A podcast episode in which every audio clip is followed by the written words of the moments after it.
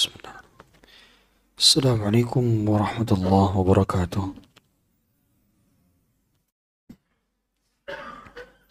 إن الحمد لله نحمده ونستعينه ونستغفره ونعوذ بالله من شرور أنفسنا وسيئات أعمالنا. من يهده الله فلا مضل له ومن يضلله فلا هادي له. أشهد أن لا إله إلا الله وحده لا شريك له وأشهد أن محمدا عبده ورسوله. وصفيه من خلقه وخليله. أدى الأمانة وبلغ الرسالة ونصح للأمة. وكشف الله به الغمة وجاهد في الله حق جهاده حتى أتاه اليقين وتركنا على محجة بيضاء ليلها كنهارها لا يزيغ عنها إلا هالك. اللهم صل وسلم وزد وبارك وعنه وكرم ومجد. على عبدك ورسولك محمد صلى الله عليه وعلى آله وصحبه وسلم. وقال عز من قائل يا أيها الذين آمنوا اتقوا الله حق تقاته ولا تموتن إلا وأنتم مسلمون. وقال عز وجل يا أيها الذين آمنوا اتقوا الله وقولوا قولا سديدا. يصلح لكم أعمالكم ويغفر لكم ذنوبكم. ومن يطع الله ورسوله فقد فاز فوزا عظيما.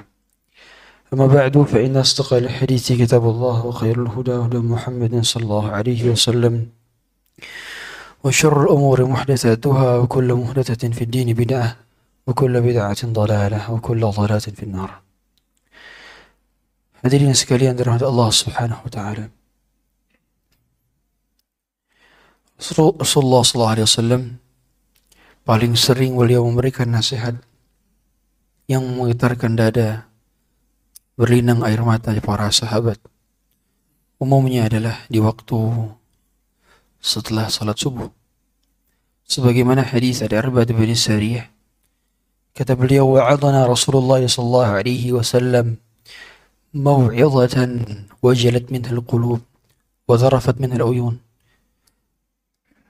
ba'da salat al-ghada beliau sallallahu alaihi wasallam menasihati kami setelah salat subuh dengan nasihat yang menggetarkan hati-hati kami membuat hati kami bersedih memang hati yang bersedih adalah hati orang-orang beriman tatkala dia mendapati sebuah dosa dalam dirinya. Orang beriman sebagaimana sabda Rasulullah SAW, Al-mu'min yara dhunubahu ka'annahu qa'idun tahta jabalin yakhafu an yaqa Seorang beriman ketika melihat dosa-dosanya dia seperti duduk di bawah gunung. Dia khawatir gunung itu menimpanya. Wa ammal fajir yara dhunubahu kadhubabin waqa'a ala anfih. Seorang yang fajir, orang munafik, tatkala melihat dosanya dia seperti melihat ada lalat yang hinggap di hidungnya, kemudian dia menghalaunya dengan begitu mudahnya. Sehingga selama ucapan kita dan perasaan kita masih sesuai dengan judul yang ada pada subuh ini. Ya Rab, dosaku amatlah banyak kepada engkau maka sebersih itulah pula hati-hati kita. Seberiman pula lah itu hati-hati kita. Dikarenakan orang munafik dan fajir, mereka tidak menyangka bahwa dosa mereka banyak. Mereka menyangka bahwa dosa mereka sedikit. Ucapan, wahai Rabb dosaku amatlah banyak, tidaklah datang kecuali dari lisan orang-orang yang beriman. Hadirin sekalian dari Allah Subhanahu wa taala. Semua pasti berdosa. Bahkan Allah Subhanahu wa taala saja kalau tidak ada satupun di antara manusia yang berdosa, maka Allah ciptakan makhluk lain yang berdosa. Kemudian Allah jadikan mereka beristighfar dan Allah ampuni mereka. Sebagaimana sabda Rasulullah SAW, "Lau lam tuznibu لذهب الله بكم ولجاء بقوم يذنبون فيستغفرون الله فيغفر الله لهم." Kalau kalian tidak berdosa kata Rasulullah, لذهب الله بكم kalian pasti akan diganti dengan makhluk yang lain wala jaa biqaumin dan Allah pasti sungguh akan menggantikan kalian dengan makhluk yang mereka berdosa berdosa fayudnibun fayastaghfirun Allah kemudian mereka beristighfar kepada Allah. fayaghfirullahu lahum dan Allah mengampuni mereka. Sehingga pada dasarnya perbuatan dosanya manusia. Dan sifat memohon ampun kepada Allah.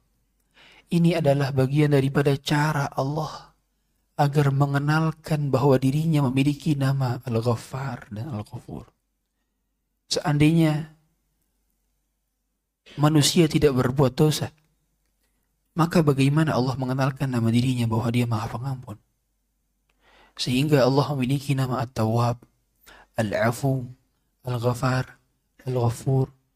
Ini bagian daripada cara Allah mengenalkan bahwa ada zat yang ketika makhluknya berbuat dosa sebanyak buat buat buihan di lautan maka jumlah ampunan Allah lebih banyak daripada itu sebagaimana sabda dalam hadis qudsi Allah Subhanahu wa taala menyampaikan dalam hadis riwayat Tirmizi dari hadis Anas bin Malik radhiyallahu taala an ya bani Adam لو أتيتني بقراب الأرض خطايا ثم لقيتني لا تشرك بي شيئا لأتيتك بقرابها مغفرة Wahai anak Adam, seandainya kau datang dengan dosa yang memenuhi bumi, tapi kau datang kepadaku tak berbuat kesyirikan sedikit pun, aku akan datangi ampunanku sebanyak itu pula. Sehingga ketika seorang berdosa seribu, maka ampunan Allah sama atau lebih banyak daripada seribu. Ampunan Allah selalu lebih luas. Lau balagat dhunubuka anana as-sama' thumma astaghfartani ghafartu laka. Seandainya dosamu memenuhi langit, maka aku akan datangi ampunanku selama engkau beristighfar kepadaku. Oh betapa baiknya Tuhan Tuhan kita. Dosa kita sangat banyak, kenikmatan Allah selalu cukup, tapi seringnya kita tidak bersyukur. Kita hanya butuh satu piring nasi untuk bisa hidup. Kita hanya butuh satu gelas air untuk bisa bertahan hidup. Kita hanya butuh satu kasur dan satu ruangan untuk tidur. Tapi ternyata Allah berikan tidak hanya nasi, Allah berikan lauk pauk dengan begitu banyak macam dan lezatnya. Kita hanya butuh satu gelas air, tapi ternyata Allah berikan kita minuman dengan berbagai warna dan rasa. Kita hanya butuh satu kasur dan satu kamar. Tapi Allah berikan ruang tamu, ruang tengah, ruang keluarga, ruang dapur, kamar mandi, dan kelengkapan lainnya. Kenikmatan Allah sudah begitu banyak kepada kita. Tapi seringnya kita tidak mengakui dosa yang kita lakukan. Oleh karena itu, Imam Ibn Qayyim rahimahullah ta'ala, beliau mengatakan, hukuman terbesar seorang hamba tatkala dia merasa tidak berdosa. Itulah hukuman terbesar seorang hamba.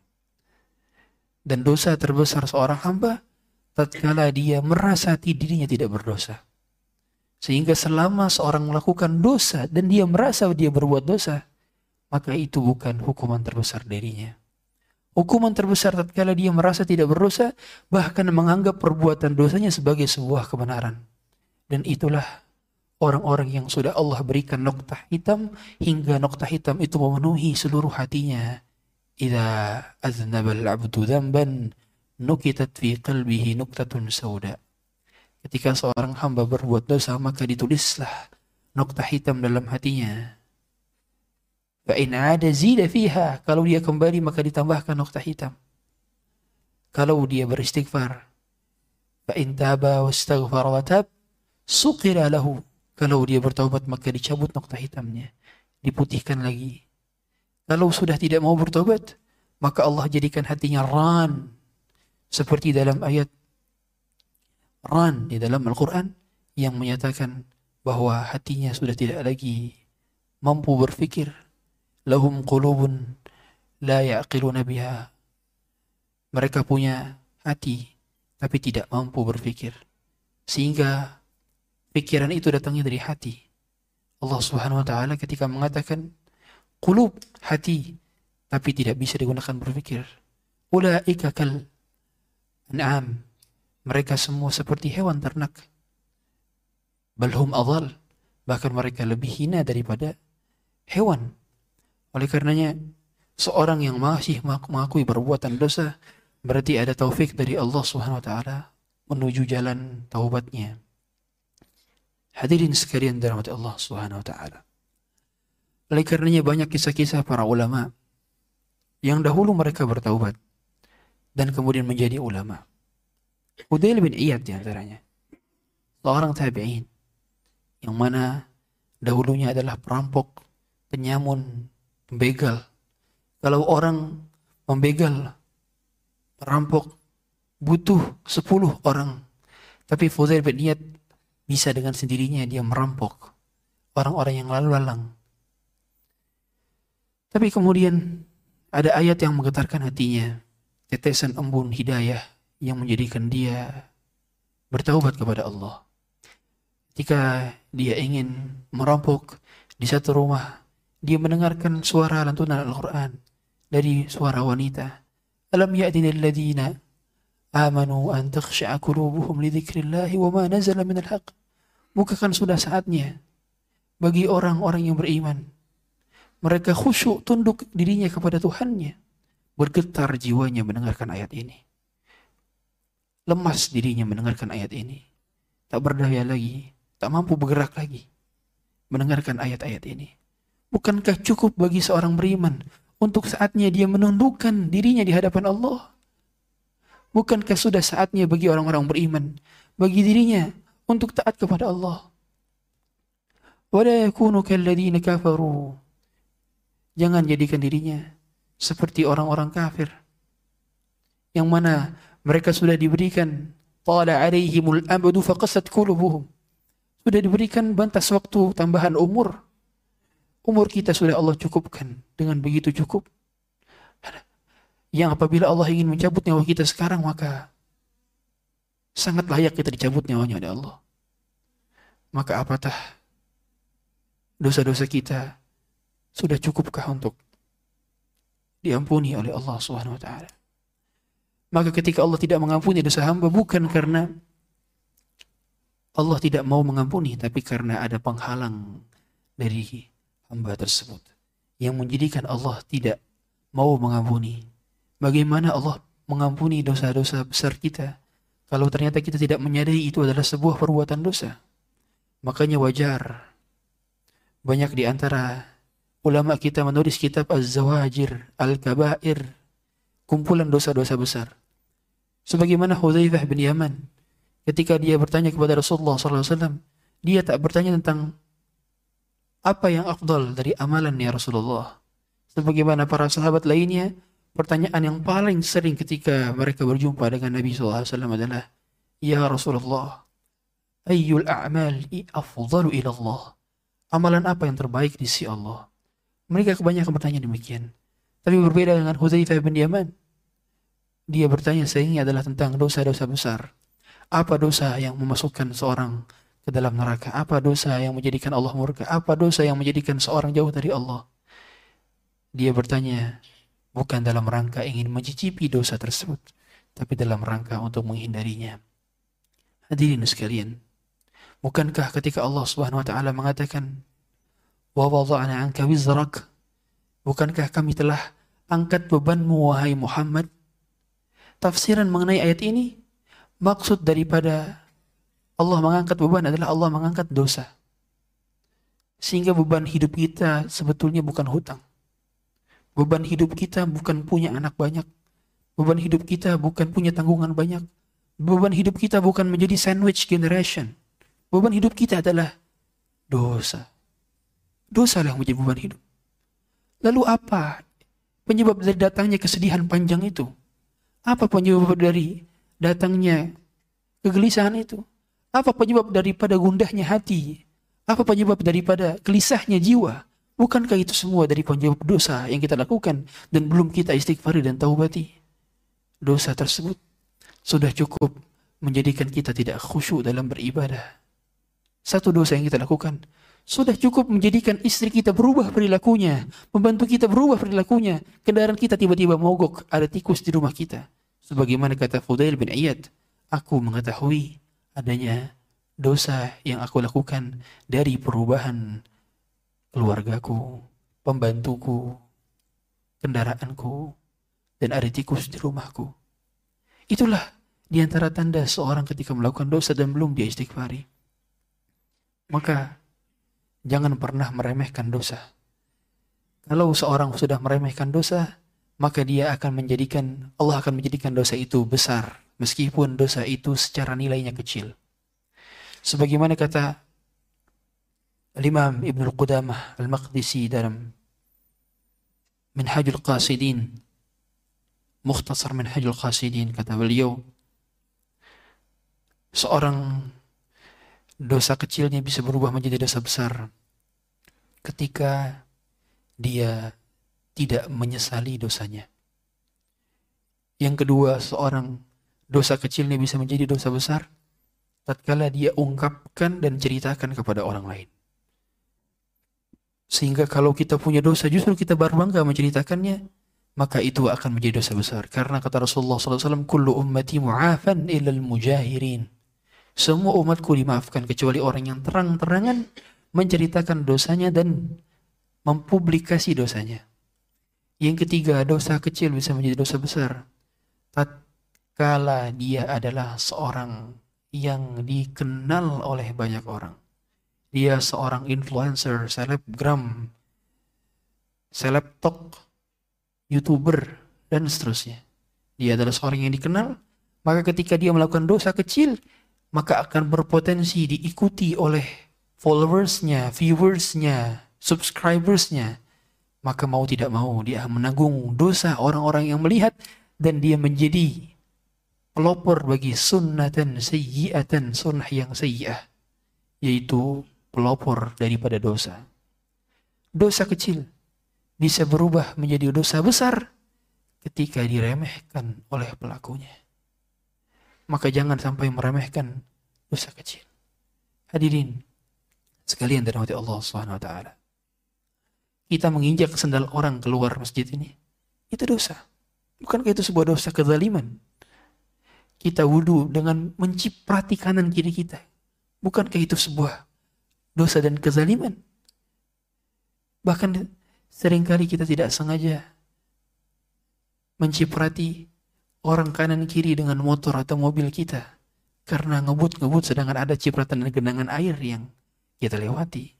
Bukankah itu sebuah kezaliman? Lalu apa yang membuat kita aman merasa dari sebuah dosa? Apa?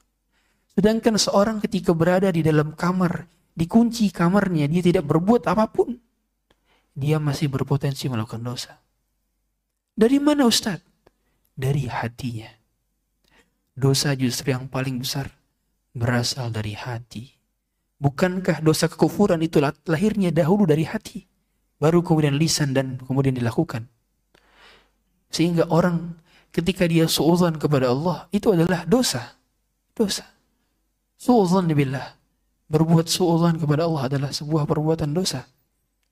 Maka pada saat itu ketika orang berbuat dosa dalam hatinya, meskipun jawarehnya tidak melakukan dosa, tapi tetap saja hatinya melakukan dosa, maka inilah yang menjadikan seorang hamba dihukum oleh Allah. Oleh karenanya, dahulu Syekh Asim pernah ditanya oleh seorang jemaah, Is it possible to do not make sins in one day? Apakah mungkin tidak melakukan dosa dalam satu hari bagi seorang hamba? Kata dia, it's not possible. Ini nggak mungkin. Nggak mungkin? Iya nggak mungkin. Satu hari nggak mungkin nggak lakuin dosa. Memang sudah sunnatullahnya Allah ciptakan manusia setiap hari. Pasti dia berbuat dosa. Baik dia sadari maupun tidak dia sadari. Maka istighfarlah yang menjadi penutupnya. Karena memang sunnatullahnya manusia berbuat dosa. Bukankah banyak hukum-hukum yang belum kita ketahui? Apakah Anda telah mengetahui semua hukum fikih muamalah? Apakah Anda telah mengetahui semua fikih hukum fikih jinayat? Seringnya kita bahkan berkomentar terhadap perkara-perkara yang tidak kita tahu tentang hakikatnya. Bukankah perbincangan kita terhadap satu hal yang tidak ketahui adalah sebuah perbuatan melanggar Allah? Allah katakan, "Wala taqfu ma laysa laka bihi ilm." Jangan kamu bicarakan suatu hal yang tidak kamu ilmui. Tapi seringnya politik kita komentari, ekonomi kita komentari. Bahkan pengetahuan agama saja sering kali kita komentari padahal kita belum mengetahui ilmunya.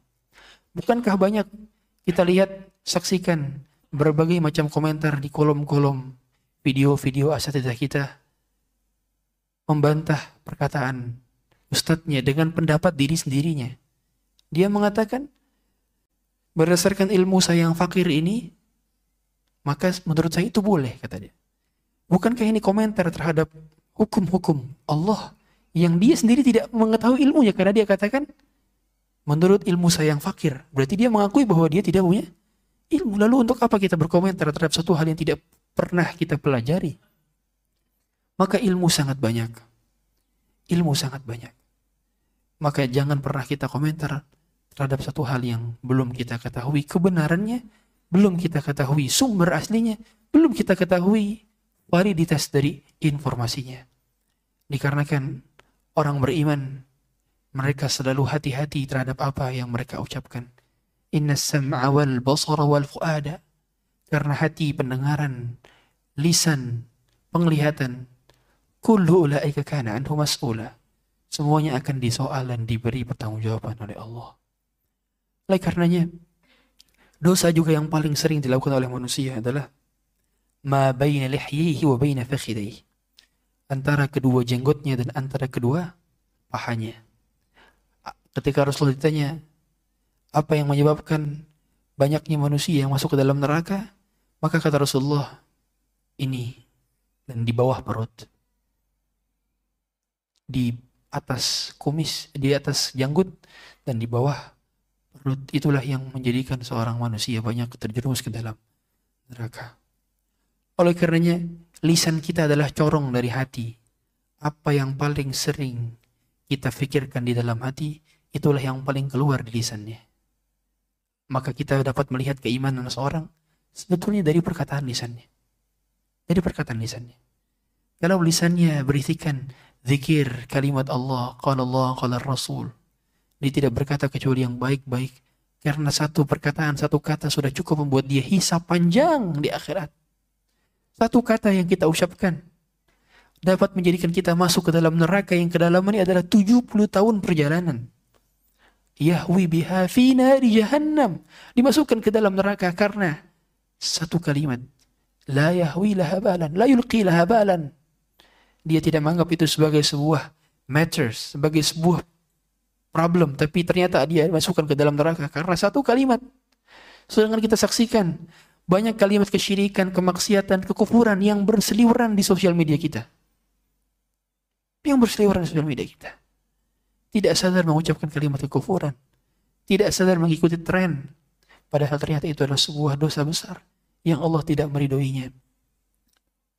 Oleh karena itu, tidak ada kata untuk tidak beristighfar di setiap hari.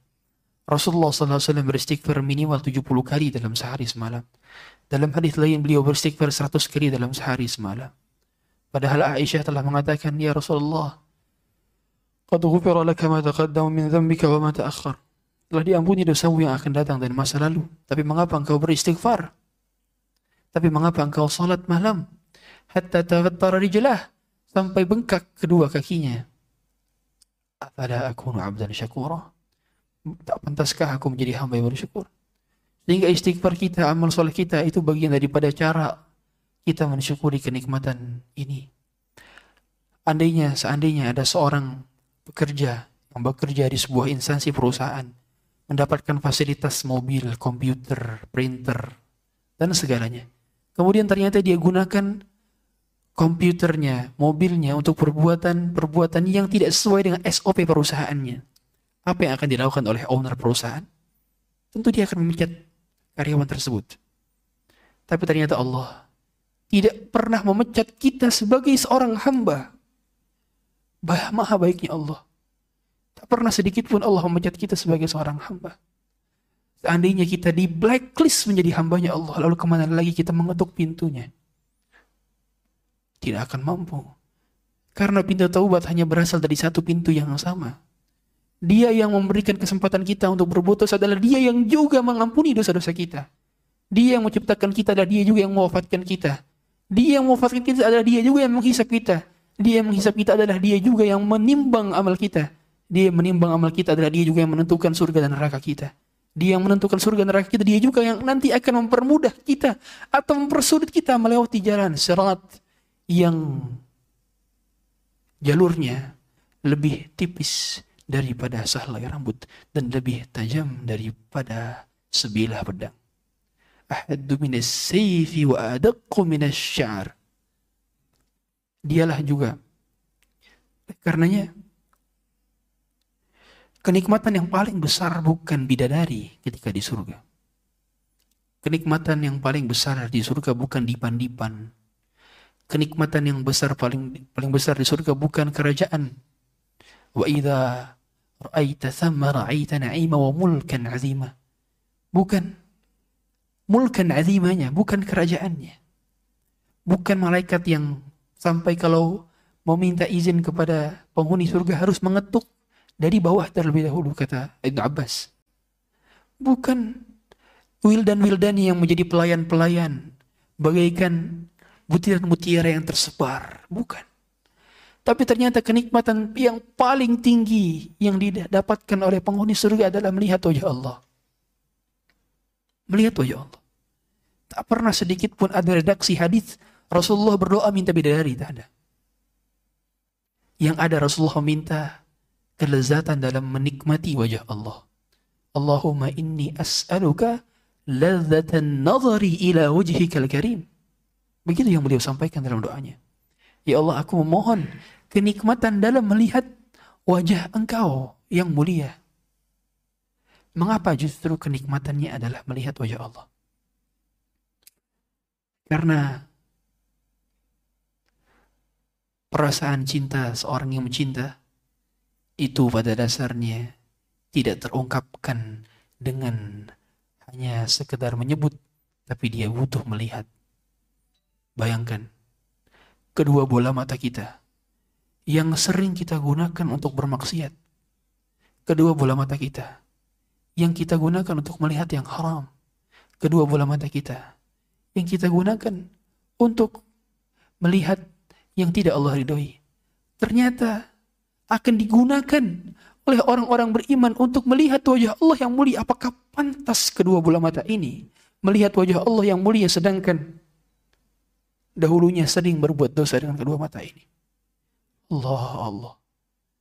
Betapa hinanya dari kita.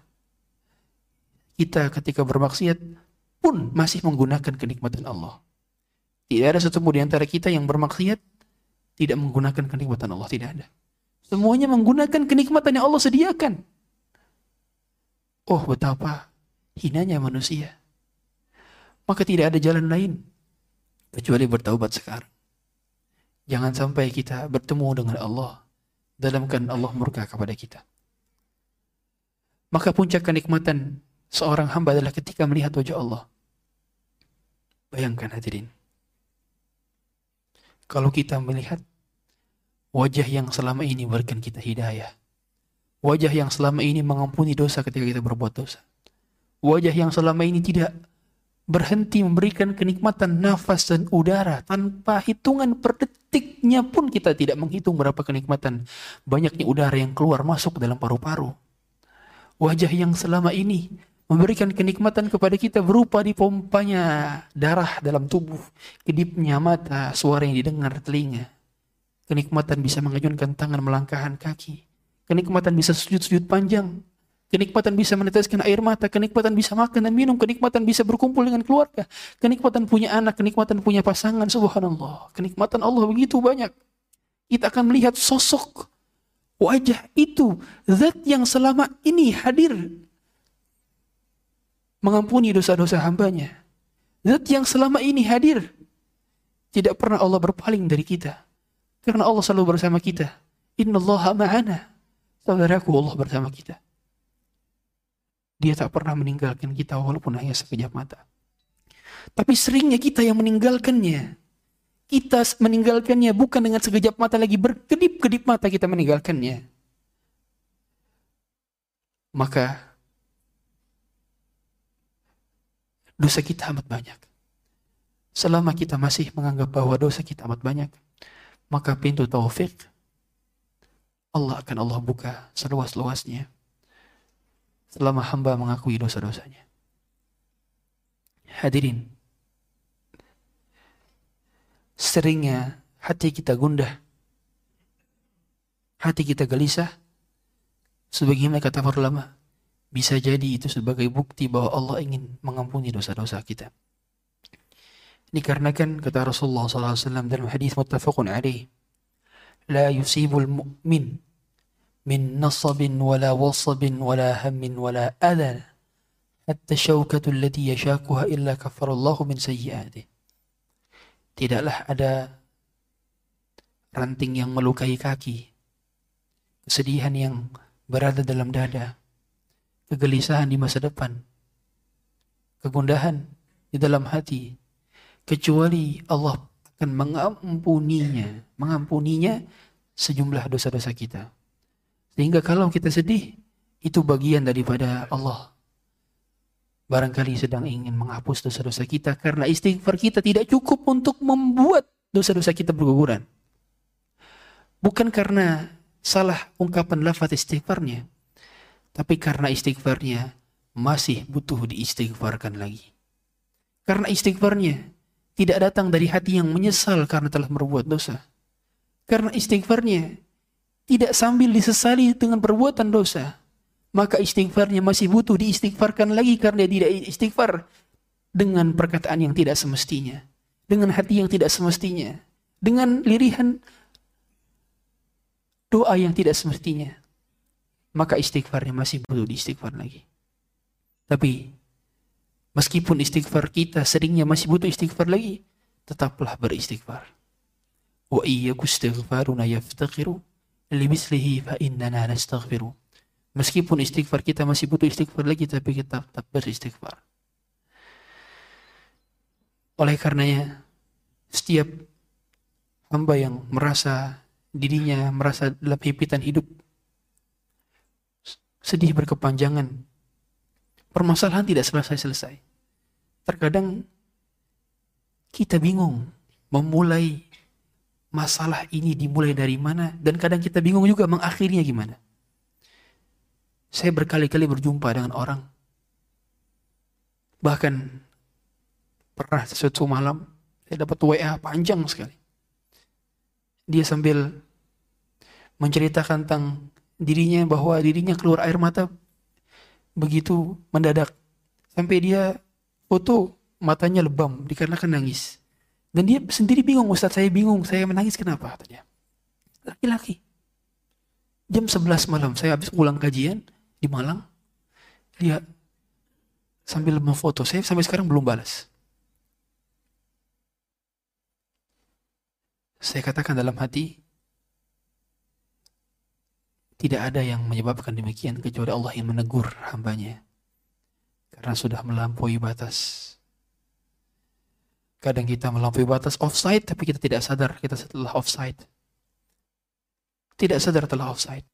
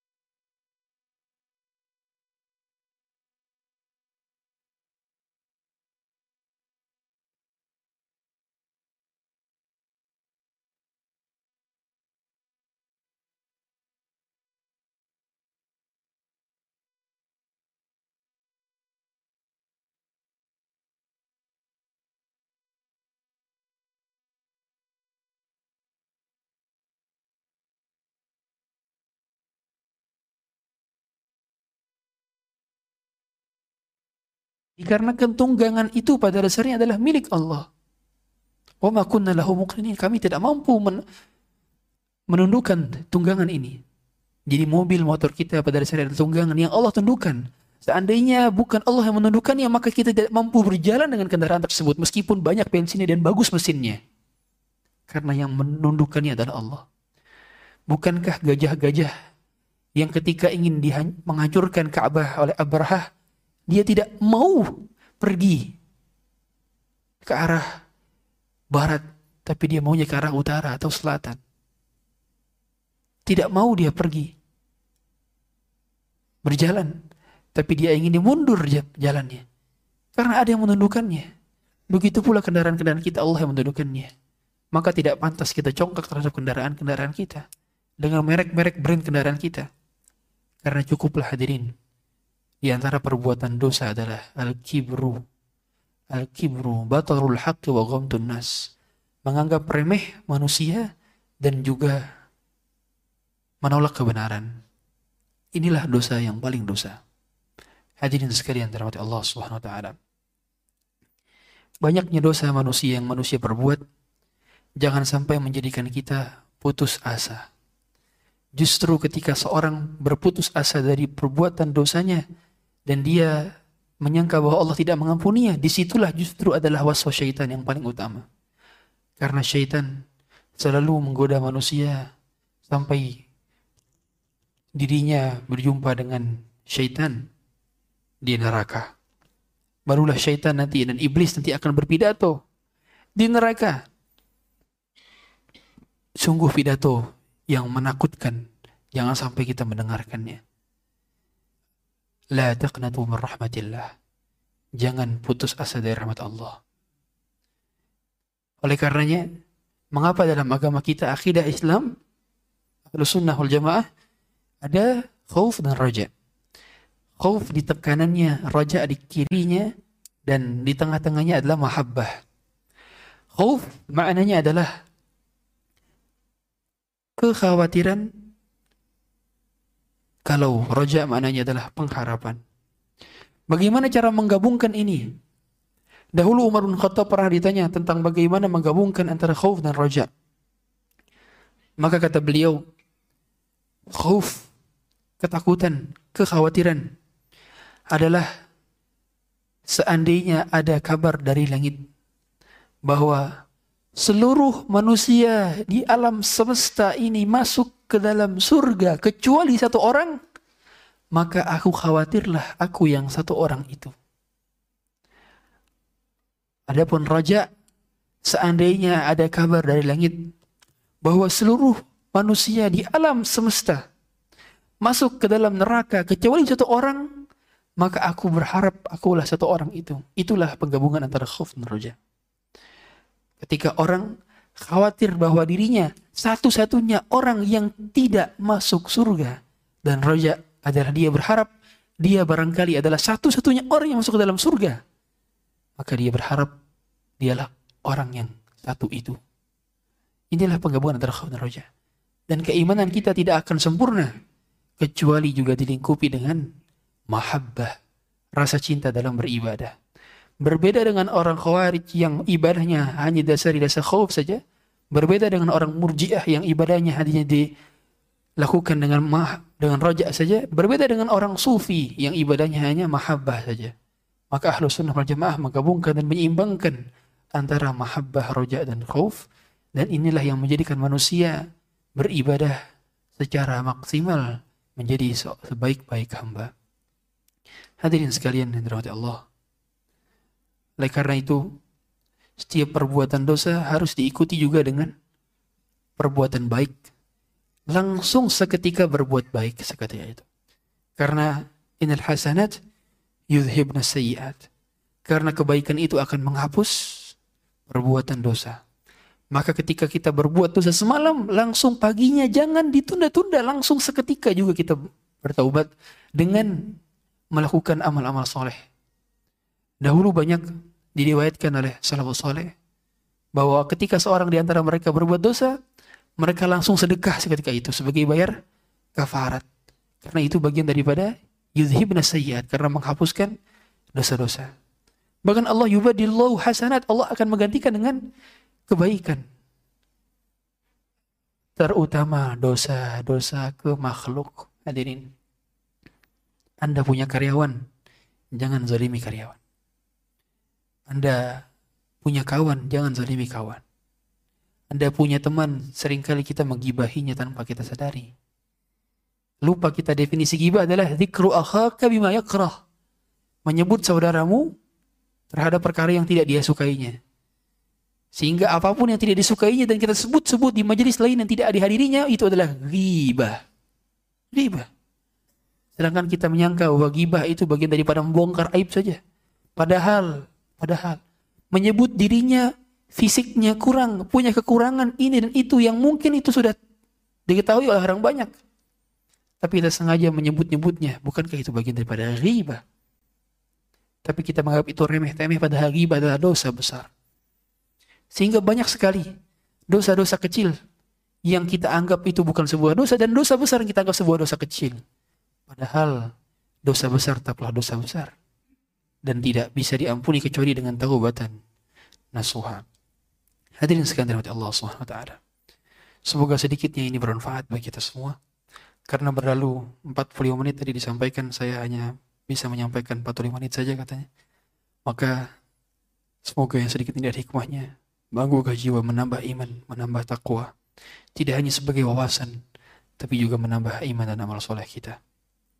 Subhanakallahumma bihamdik. أشهد أن لا إله إلا أنت أستغفرك وأتوب إليك. صلى الله على نبينا محمد وعلى آله وصحبه وسلم. السلام عليكم ورحمة الله وبركاته.